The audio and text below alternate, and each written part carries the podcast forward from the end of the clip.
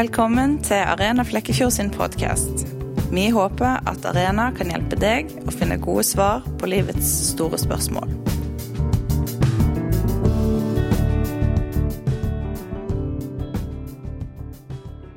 Jeg skal da snakke om eh, Big Bang og universet. Jeg kan begynne å si bitte litt om eh, meg, i tilfelle ikke alle de samme som var her sist, eller når jeg, når jeg var her sist, er her igjen. Eh, så er jeg 31 år, er fra Kristiansand. Eh, jeg var tidligere ateist. Nå er jeg kristen. Og en av grunnene til at jeg begynte å, å eh, tro at det fantes en gud, det var nettopp begynnelsen på universet. Så da er det nokså naturlig at noe av det jeg synes er gøy å prate om, og noe av det jeg har brukt ganske mye tid på å dykke i som tema, det er nettopp begynnelsen på universet. Eh, men i dag skal jeg snakke om to sånne argumenter. Det ene er eh, begynnelsen i seg sjøl. Og det andre er eh, fininnstillingsargumentet, som på en måte er et av de nyeste argumentene for eh, eller i hvert fall for at det fins en eller annen gud. Eh, I hvert fall sånn som det ser ut nå. Det har lenge fantes mange forskjellige typer designargument, men eh, Ja. Eh, så ehm, Spørsmålet i dag det er litt sånn her ehm, Er universet vårt spesielt? Eh, og i så fall, hva betyr det? Og hvordan er det spesielt? Det er særlig to eh, elementer jeg kommer til å fokusere på. Det ene er at det synes å være spesielt designa. Eh, for oss, vil veldig mange si. Så eh, ser det også ut til at vi er et sånt univers som synes å ha en begynnelse. Eh, det første det er litt sånn ganske intuitivt. Det andre det er egentlig ikke så intuitivt. Selv om vi alle sammen mener i dag at jo, jo, men hallo, eh, alle vet jo at eh, universet har en begynnelse. Så er det en relativt ny tanke. det var før sånn, altså ca. de siste 100 årene. er er da det har begynt å bli aktuelt å snakke om en begynnelse ordentlig konkret. Eh, det vil si eh, Det har vært folk før som har eh, snakka om en begynnelse. Mange har snakka om en begynnelse. Gjerne kristne, muslimer og sånn. Og så eh, har andre mer bare antatt at jo, men universet er uendelig. Det er det som er det som er naturlig å anta hvis vi ikke har en begynnelse. Fordi i det øyeblikket vi har en begynnelse, så har i hvert fall mange opp igjennom tenkt at da krever det en form for forklaring.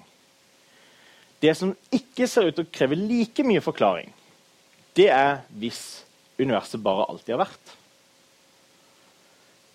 Så er spørsmålet er universet det som kalles fininnstilt. Eh, jeg kan begynne med å si at Opp igjennom historien, når, når folk har eh, snakka om denne typen argumenter, så har det ofte eh, vært at eh, universet vi lever i, ser ut til å være sånn, et sånn type univers som har en intensjon. Så eh, dette her eh, argumentet putter vi i en kategori som heter teleologisk argument. Eh, det betyr argument fra intensjon. Så eh, de begynte med å si litt sånn her Jo, jo, men hallo. Eh, vi ser jo at grunnen til at eplet faller ned til bakken, det er fordi eplet ønsker seg ned til bakken.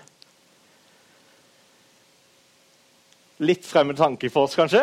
Eh, men eh, det er den typen kategori dette argumentet begynner i. Så er det en Eh, eh, filosof på, eller teolog eller et eller annet på 1600-tallet, eh, William Paley, som eh, sier litt sånn her Jo, men se så avansert universet er. Vi ser at ting fungerer i harmoni, ting fungerer på en veldig avansert måte. og når vi ser en klokke, den er jo avansert. Verden vår er avansert. Når vi ser en klokke, så ser vi den må jo være designa. Når vi ser verden vår, så bør vi da tenke den må jo være designa. Eh, også det argumentet er eh, et litt annet argument enn fininnstillingsargumentet. Fininnstillingsargumentet det har egentlig kommet i lys av eh, forskning basically fra 70-tallet og fram til nå. Eh, fininnstillingsargumentet er egentlig sånn at det blir veldig mye vitenskap veldig fort. Eh, fordi det er først og fremst basert på eh, kalkuleringer ut ifra eh, hva vi vet om denne verden. Eh, hvordan vi kan modellere andre verdener.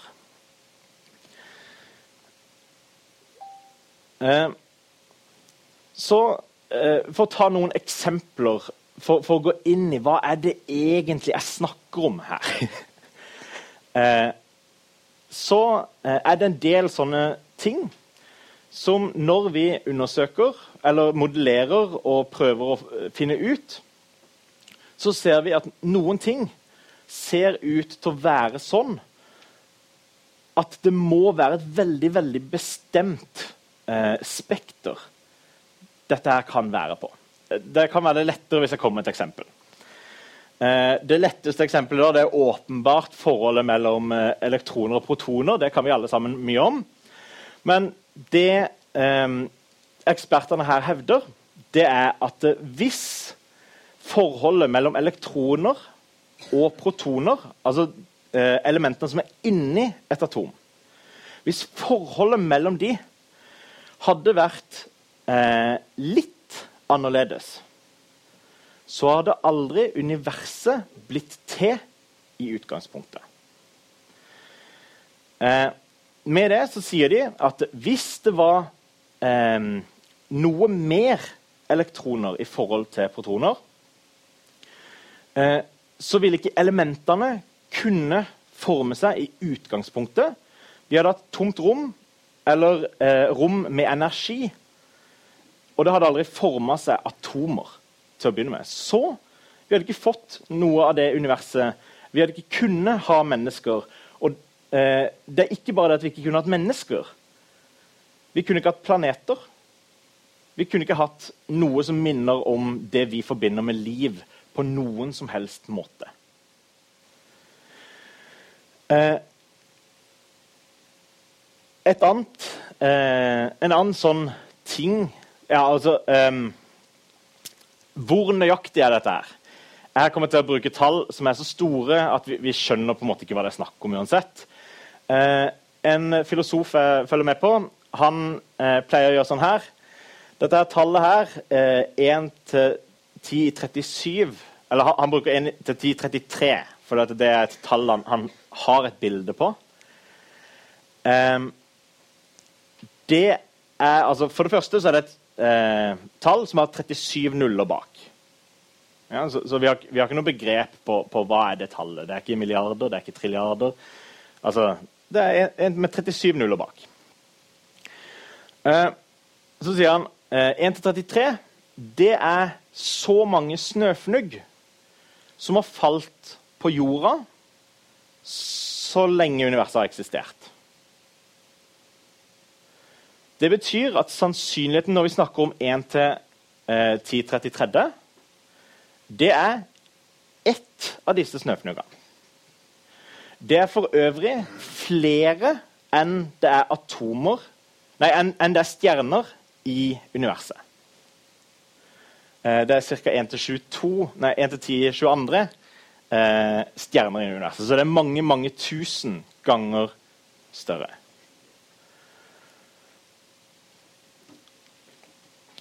Eh, universet eh, som ekspanderer Det at det ekspanderte så fort, det at det utvider seg så fort For Big Bang-teorien den er sånn her. Eh, vi har et begynnelsepunkt.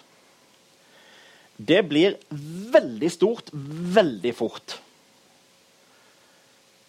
Eh, så blir det gradvis større og større igjen. Det slutter å utvide seg så fort, så blir det gradvis større og større igjen. fortere og fortere. Måten det blir større fortere og fortere på,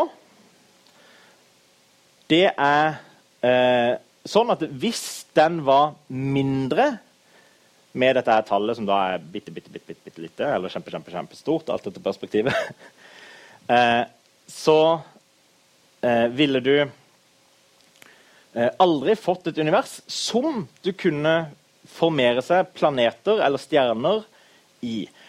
Fordi det ville eh, enten ha eh, spredt seg så mye at det, atomene som da hadde fungert fordi at denne her er riktig eh, Det ville ikke kunne samle seg i klumper sånn at det ble eh, stjerner eller eh, lignende. Men hvis det var bitte litt eh, større, altså hvis eh, universet.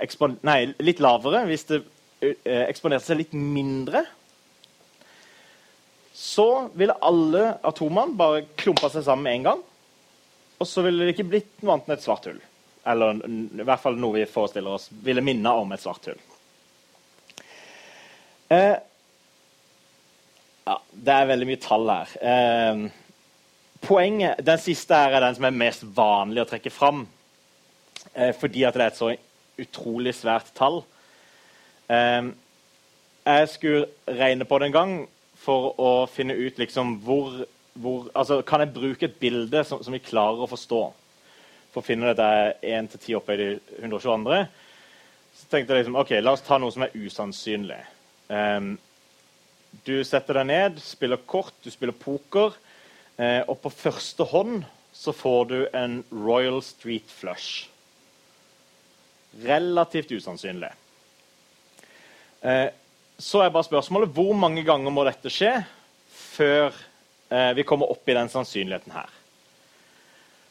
Så eh, det som skal til, er da 40 ganger du får utdelt på første forsøk Royal Street Flush uten juks. Hvis du jukser, så forsvinner alt dette her. Men, men uten juks Problemet da er jo at eh, vi klarer ikke å se for oss hvor usannsynlig det er. For det er så usannsynlig. eh, så det er litt sånn eh, Det har skjedd at noen har fått det utdelt på første hånd. Eh, men at det har skjedd to ganger på rad. Eh, uten at jeg faktisk har undersøkt det, så er jeg ganske sikker på at det er lov å si at det, det har faktisk ikke skjedd uten at det har vært juks. Eh, og så blir det bare eksponentielt vanskeligere for hver gang du legger til en ny gang. Eh, så er det mange som tenker litt sånn her at jo, jo, men, men eh, når du snakker om dette her eh, Nei, jeg, jeg, tar, jeg tar, formulerer argumentet først. så, så, tar jeg innvendingene etterpå. Eh, argumentet i seg sjøl det er sånn her Universet eksisterer enten nødvendigvis, tilfeldigvis eller intensjonelt. Da mener de at uh, dette er de tre mulighetene vi har. Uh, det går an å formulere det på en uh, annen måte, sånn at det blir lettere å se at dette faktisk dekker alle kategorier. Enten så er det sånn at det kunne vært annerledes. Nei, at det ikke kunne vært annerledes. Det er nødvendigvis. Eller så kunne det vært eh, annerledes. Men det er ikke på noen måte begrunna. Det er bare tilfeldig. Tilfeldigvis. Eller så kunne det vært annerledes, men grunnen til at det er sånn som det er, er begrunna. Det er det vi mener med intensjonelt. Da viser vi at vi har faktisk dekka alle kategoriene. Du, du, kan ikke komme og si eh, Eller hvis du kommer med et, et, scenario, da, så vil jeg si ja, fint scenario. La oss putte det inn i en av disse tre. Eh, og hvis det ikke er mulig å putte det inn i en av disse tre, så har vi funnet en ny kategori. Eh, min påstand er at det er i det aller minste veldig vanskelig. For eh, dette argumentet er ganske godt uh, gjennomarbeida. Uh, nei, det er ikke jeg som har funnet det på, for å si det mildt. Uh, så jeg blir veldig overraska om, om jeg finner noe som ikke passer i en av disse tre uh, kategoriene. Men det er kanskje mulig. Eh, så er, påstand, eh, så er argumentet videre. Det er litt sånn her. Eh, universet eksisterer ikke nødvendigvis. Og det er jo en påstand, eh, så den må gjerne begrunnes. Begrunnelsen er litt sånn her, eh, veldig ofte. Eh, vi har egentlig ingen grunn til å mene at det ikke kunne vært annerledes på noen som helst måte. For hvis det eh, eksisterer nødvendigvis, så kan det ikke være på noen annen måte. Det betyr at eh, hvis du mener det er faktisk mulig at i dag så valgte du å bli hjemme i stedet for å gå her, eller eh, når det regna, så eh, regna det bitte litt mer enn det det egentlig gjorde. Hvis du mener dette her faktisk er mulig, så eh, sier du OK, universet kunne vært annerledes. Det eksisterer ikke nødvendigvis. Det vil si, det er noen som mener at uh, universet jo uh, Det eksisterer nødvendigvis. Det fins ikke noe som heter fri vilje. Det fins ikke uh, noe som heter tilfeldighet. så, så ja, altså det, det, har en viss pris å si det kunne ikke vært annerledes. Du, grunnen til at det ikke kunne vært tilfeldig, er fordi at hvis tilfeldighet er en del av det, så eh, kunne det vært annerledes. Da havner det i kategori to. Hvis det kunne vært annerledes på en eller annen måte, så havner det i kategori to. Eh, så er argumentet ok, um, universet ser heller ikke ut til å være et sånt univers som eksisterer tilfeldigvis. Det er der disse konstantene kommer inn. Det er egentlig begrunnelse for argument, nei, eh, påstand to. Nei, påstand tre. Fordi hvis det var tilfeldig, så er det ekstremt lite sannsynlig at akkurat denne verden skulle være den som eksisterte. Ikke bare akkurat denne verden som jeg, jeg var en av de som ble født her. Men at universet i det hele tatt ble til. For de fire konstantene jeg brukte i stad, er alle sammen alene nok til å si at det er rasjonelt. Eh, at eh, OK, kanskje ikke eh, det skjedde ved tilfeldighet. Når du har flere av disse her, så blir det bare desto mer rasjonelt for hver gang du finner én ting Eh, og jeg vil si, egentlig, Hadde, Hadde vi i utgangspunktet hatt én til 10, så betyr det egentlig at uh, ja, ok, uh, da er det 10% sannsynlig at det er tilfeldig. Det er fremdeles ganske rasjonelt å si at det ja, kanskje ikke er tilfeldig. Men du har en ganske mye svakere sak. da. Dette her det en, ser ut til å være en ganske sterk sak hvis det jeg sier, er riktig. Eh, og det er ikke bare kristne som løper rundt og eh, slenger med disse her tallene. her. Eh, det er ateister. Det kommer fra en ateist. Det er en ateist som begynte disse funnene. Eh, en som heter Roger Penrose. Eh, og hvis det er sånn at universet det eksisterer enten nødvendigvis, tilfeldigvis eller intensjonelt, og det ikke eksisterer nødvendigvis, og ikke eksisterer tilfeldigvis, så følger det helt automatisk at eh, universet eksisterer intensjonelt. Eh, noen syns det er litt vanskelig å forholde seg til hva betyr intensjonelt. Eh, og da syns jeg kanskje det er lettere, eh, selv om det ikke løser mange av de problemene, men i det aller minste så sier vi det kunne vært annerledes. Eh, men eh, det ser ut til å ha vært et utvalg på en eller annen måte som har gjort at det er sånn som det er. Eh, når dette argumentet presenteres, så er det mange som bruker 'designa' i stedet for. Eh, jeg syns det er litt vel ladd begrep. Derfor så velger jeg å bruke intensjonelt, men jeg kunne brukt rasjonelt eller intendert eller ja, Det er en del forskjellige alternativer til, til hva du velger å bruke. Intensjonelt er ganske ladd allikevel, så, så eh, jeg, jeg syns eh, vi trenger å gjøre det mer ladd enn det som er nødvendig.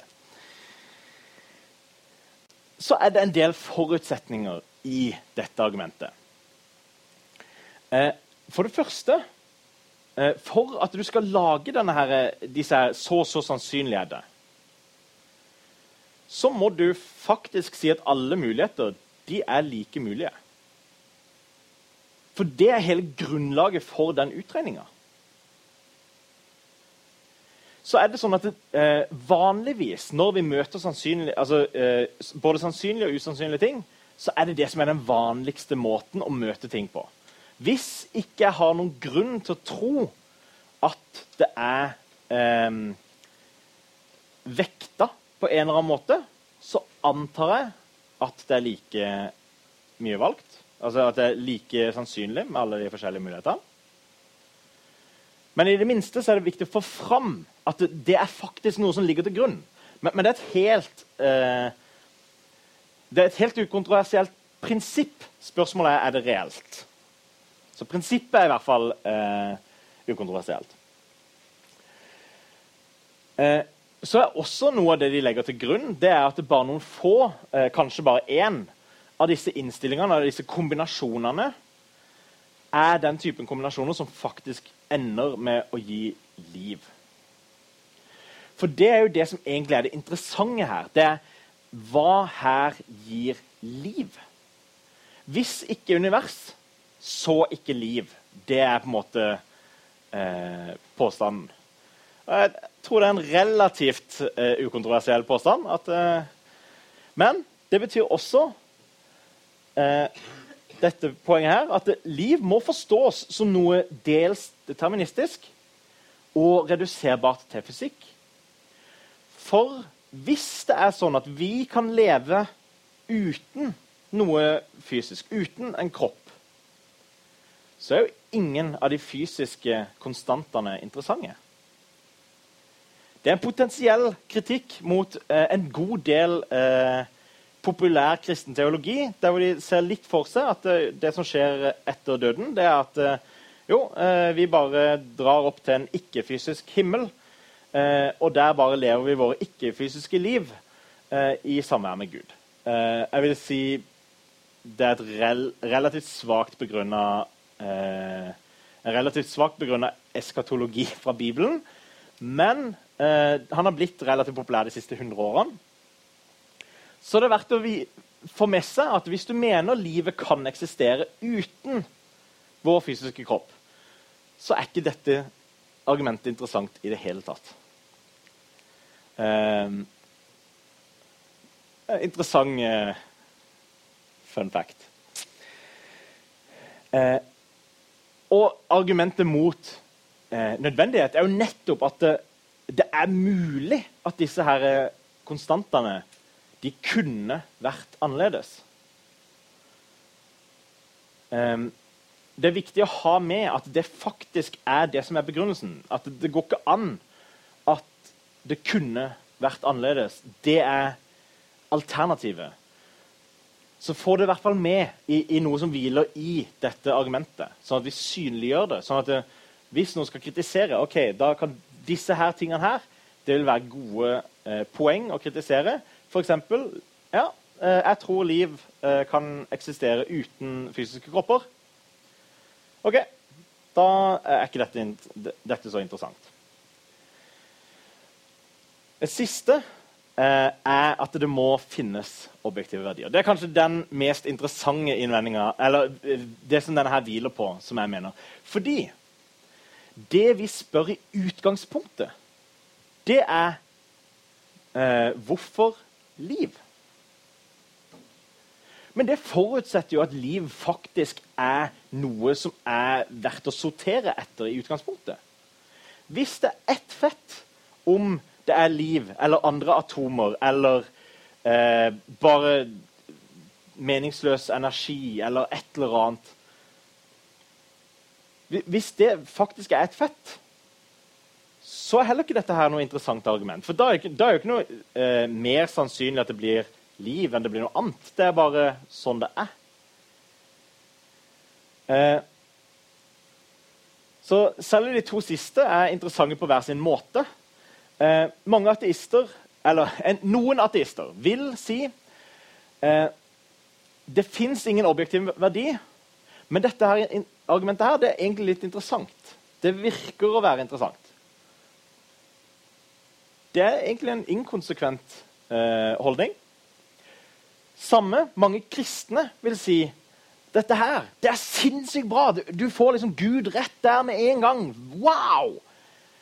Og så vil jeg si, men etter livet så eh, blir vi bare ånder som eh, ikke eksisterer i det fysiske. Og da er det også selvmotsigende.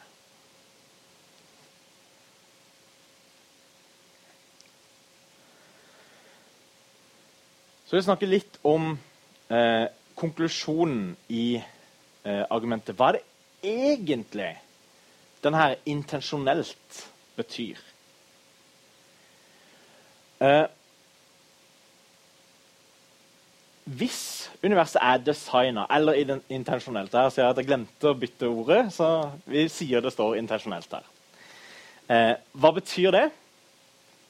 Jo, det betyr at dette her intensjonelle det må besitte en eller annen form for kunnskap. Hvis ikke dette her har noen form for kunnskap, så eh, ville det vært tilfeldig. det, det, er jo akkurat det som er forskjellen på eh, et utvalg og eh, tilfeldighet. Det er f.eks. kunnskap. Så følger det også at for at dette skal kunne forklare noen ting i det hele tatt, så må dette evnen til å gjøre at universet er sånn som det er. Det er jo det fininnstillinga viser. at her, her krever det faktisk en viss evne for å gjøre universet. Du må både ha kunnskap og ha evnen. Hvis ikke så klarer ikke du å være eh, forklaringa til hvordan dette her skjer. Og det må ha en viss intensjon. For å kunne bevege seg fra eh, Fra denne tilstanden som det er, på et eller annet vis som vi ikke skjønner, eh, til å gjøre at universet er, så eh, må det ha en intensjon. Det må kunne velge å faktisk gjøre at universet er der. Så dette her er egentlig litt sånn der, Det følger litt sånn automatisk fra at det skal kunne forklare noen verdens ting. Så er det sånn, som jeg røpte så vidt når jeg var her sist, så sa jeg at jeg er kanskje litt skeptisk til akkurat dette argumentet. Jeg er ikke helt overbevist om at dette her er et så tungtveiende argument som veldig mange mener. Og da eh, er jeg egentlig i kontrast til veldig mange kristne filosofer. Eh, og i kontrast til en del ateistiske eh, tenkere. Sånn som eh, Richard Dawkins. Han vil si dette her er det aller mest interessante argumentet av alle. Så sier han det faller pladask, men det er det mest interessante. sier han. Eh, og, er, og, det er mange ateister som er med han i det. At dette her, det, det, virker som et vitenskapelig argument, det virker som et godt argument. Og er ikke helt overbevist. Så hvorfor er ikke jeg helt overbevist? Eh, jeg har tre punkter. Det ene er litt sånn her. Åssen eh, kan du i det hele tatt snakke om hvor sannsynlig noe er? Hvilken referanseramme har vi å snakke om sannsynlighet? Eh, min påstand da er universet ser ut til å være en sånn type ting. Universet ser ut til å være en sånn type ting som vi bare har én av. Vi vet egentlig ikke kunne det vært annerledes. Er det i det hele tatt mulig? Vi, vi, er i stand til å modellere, og det er det dette her er basert på. Vi kan putte inn en hel haug ting på PC-en, vi, vi, kan skrive en hel haug matematikk. Men spørsmålet er beskriver dette noe virkelig virkelige muligheter eller ikke? Jeg vet ikke.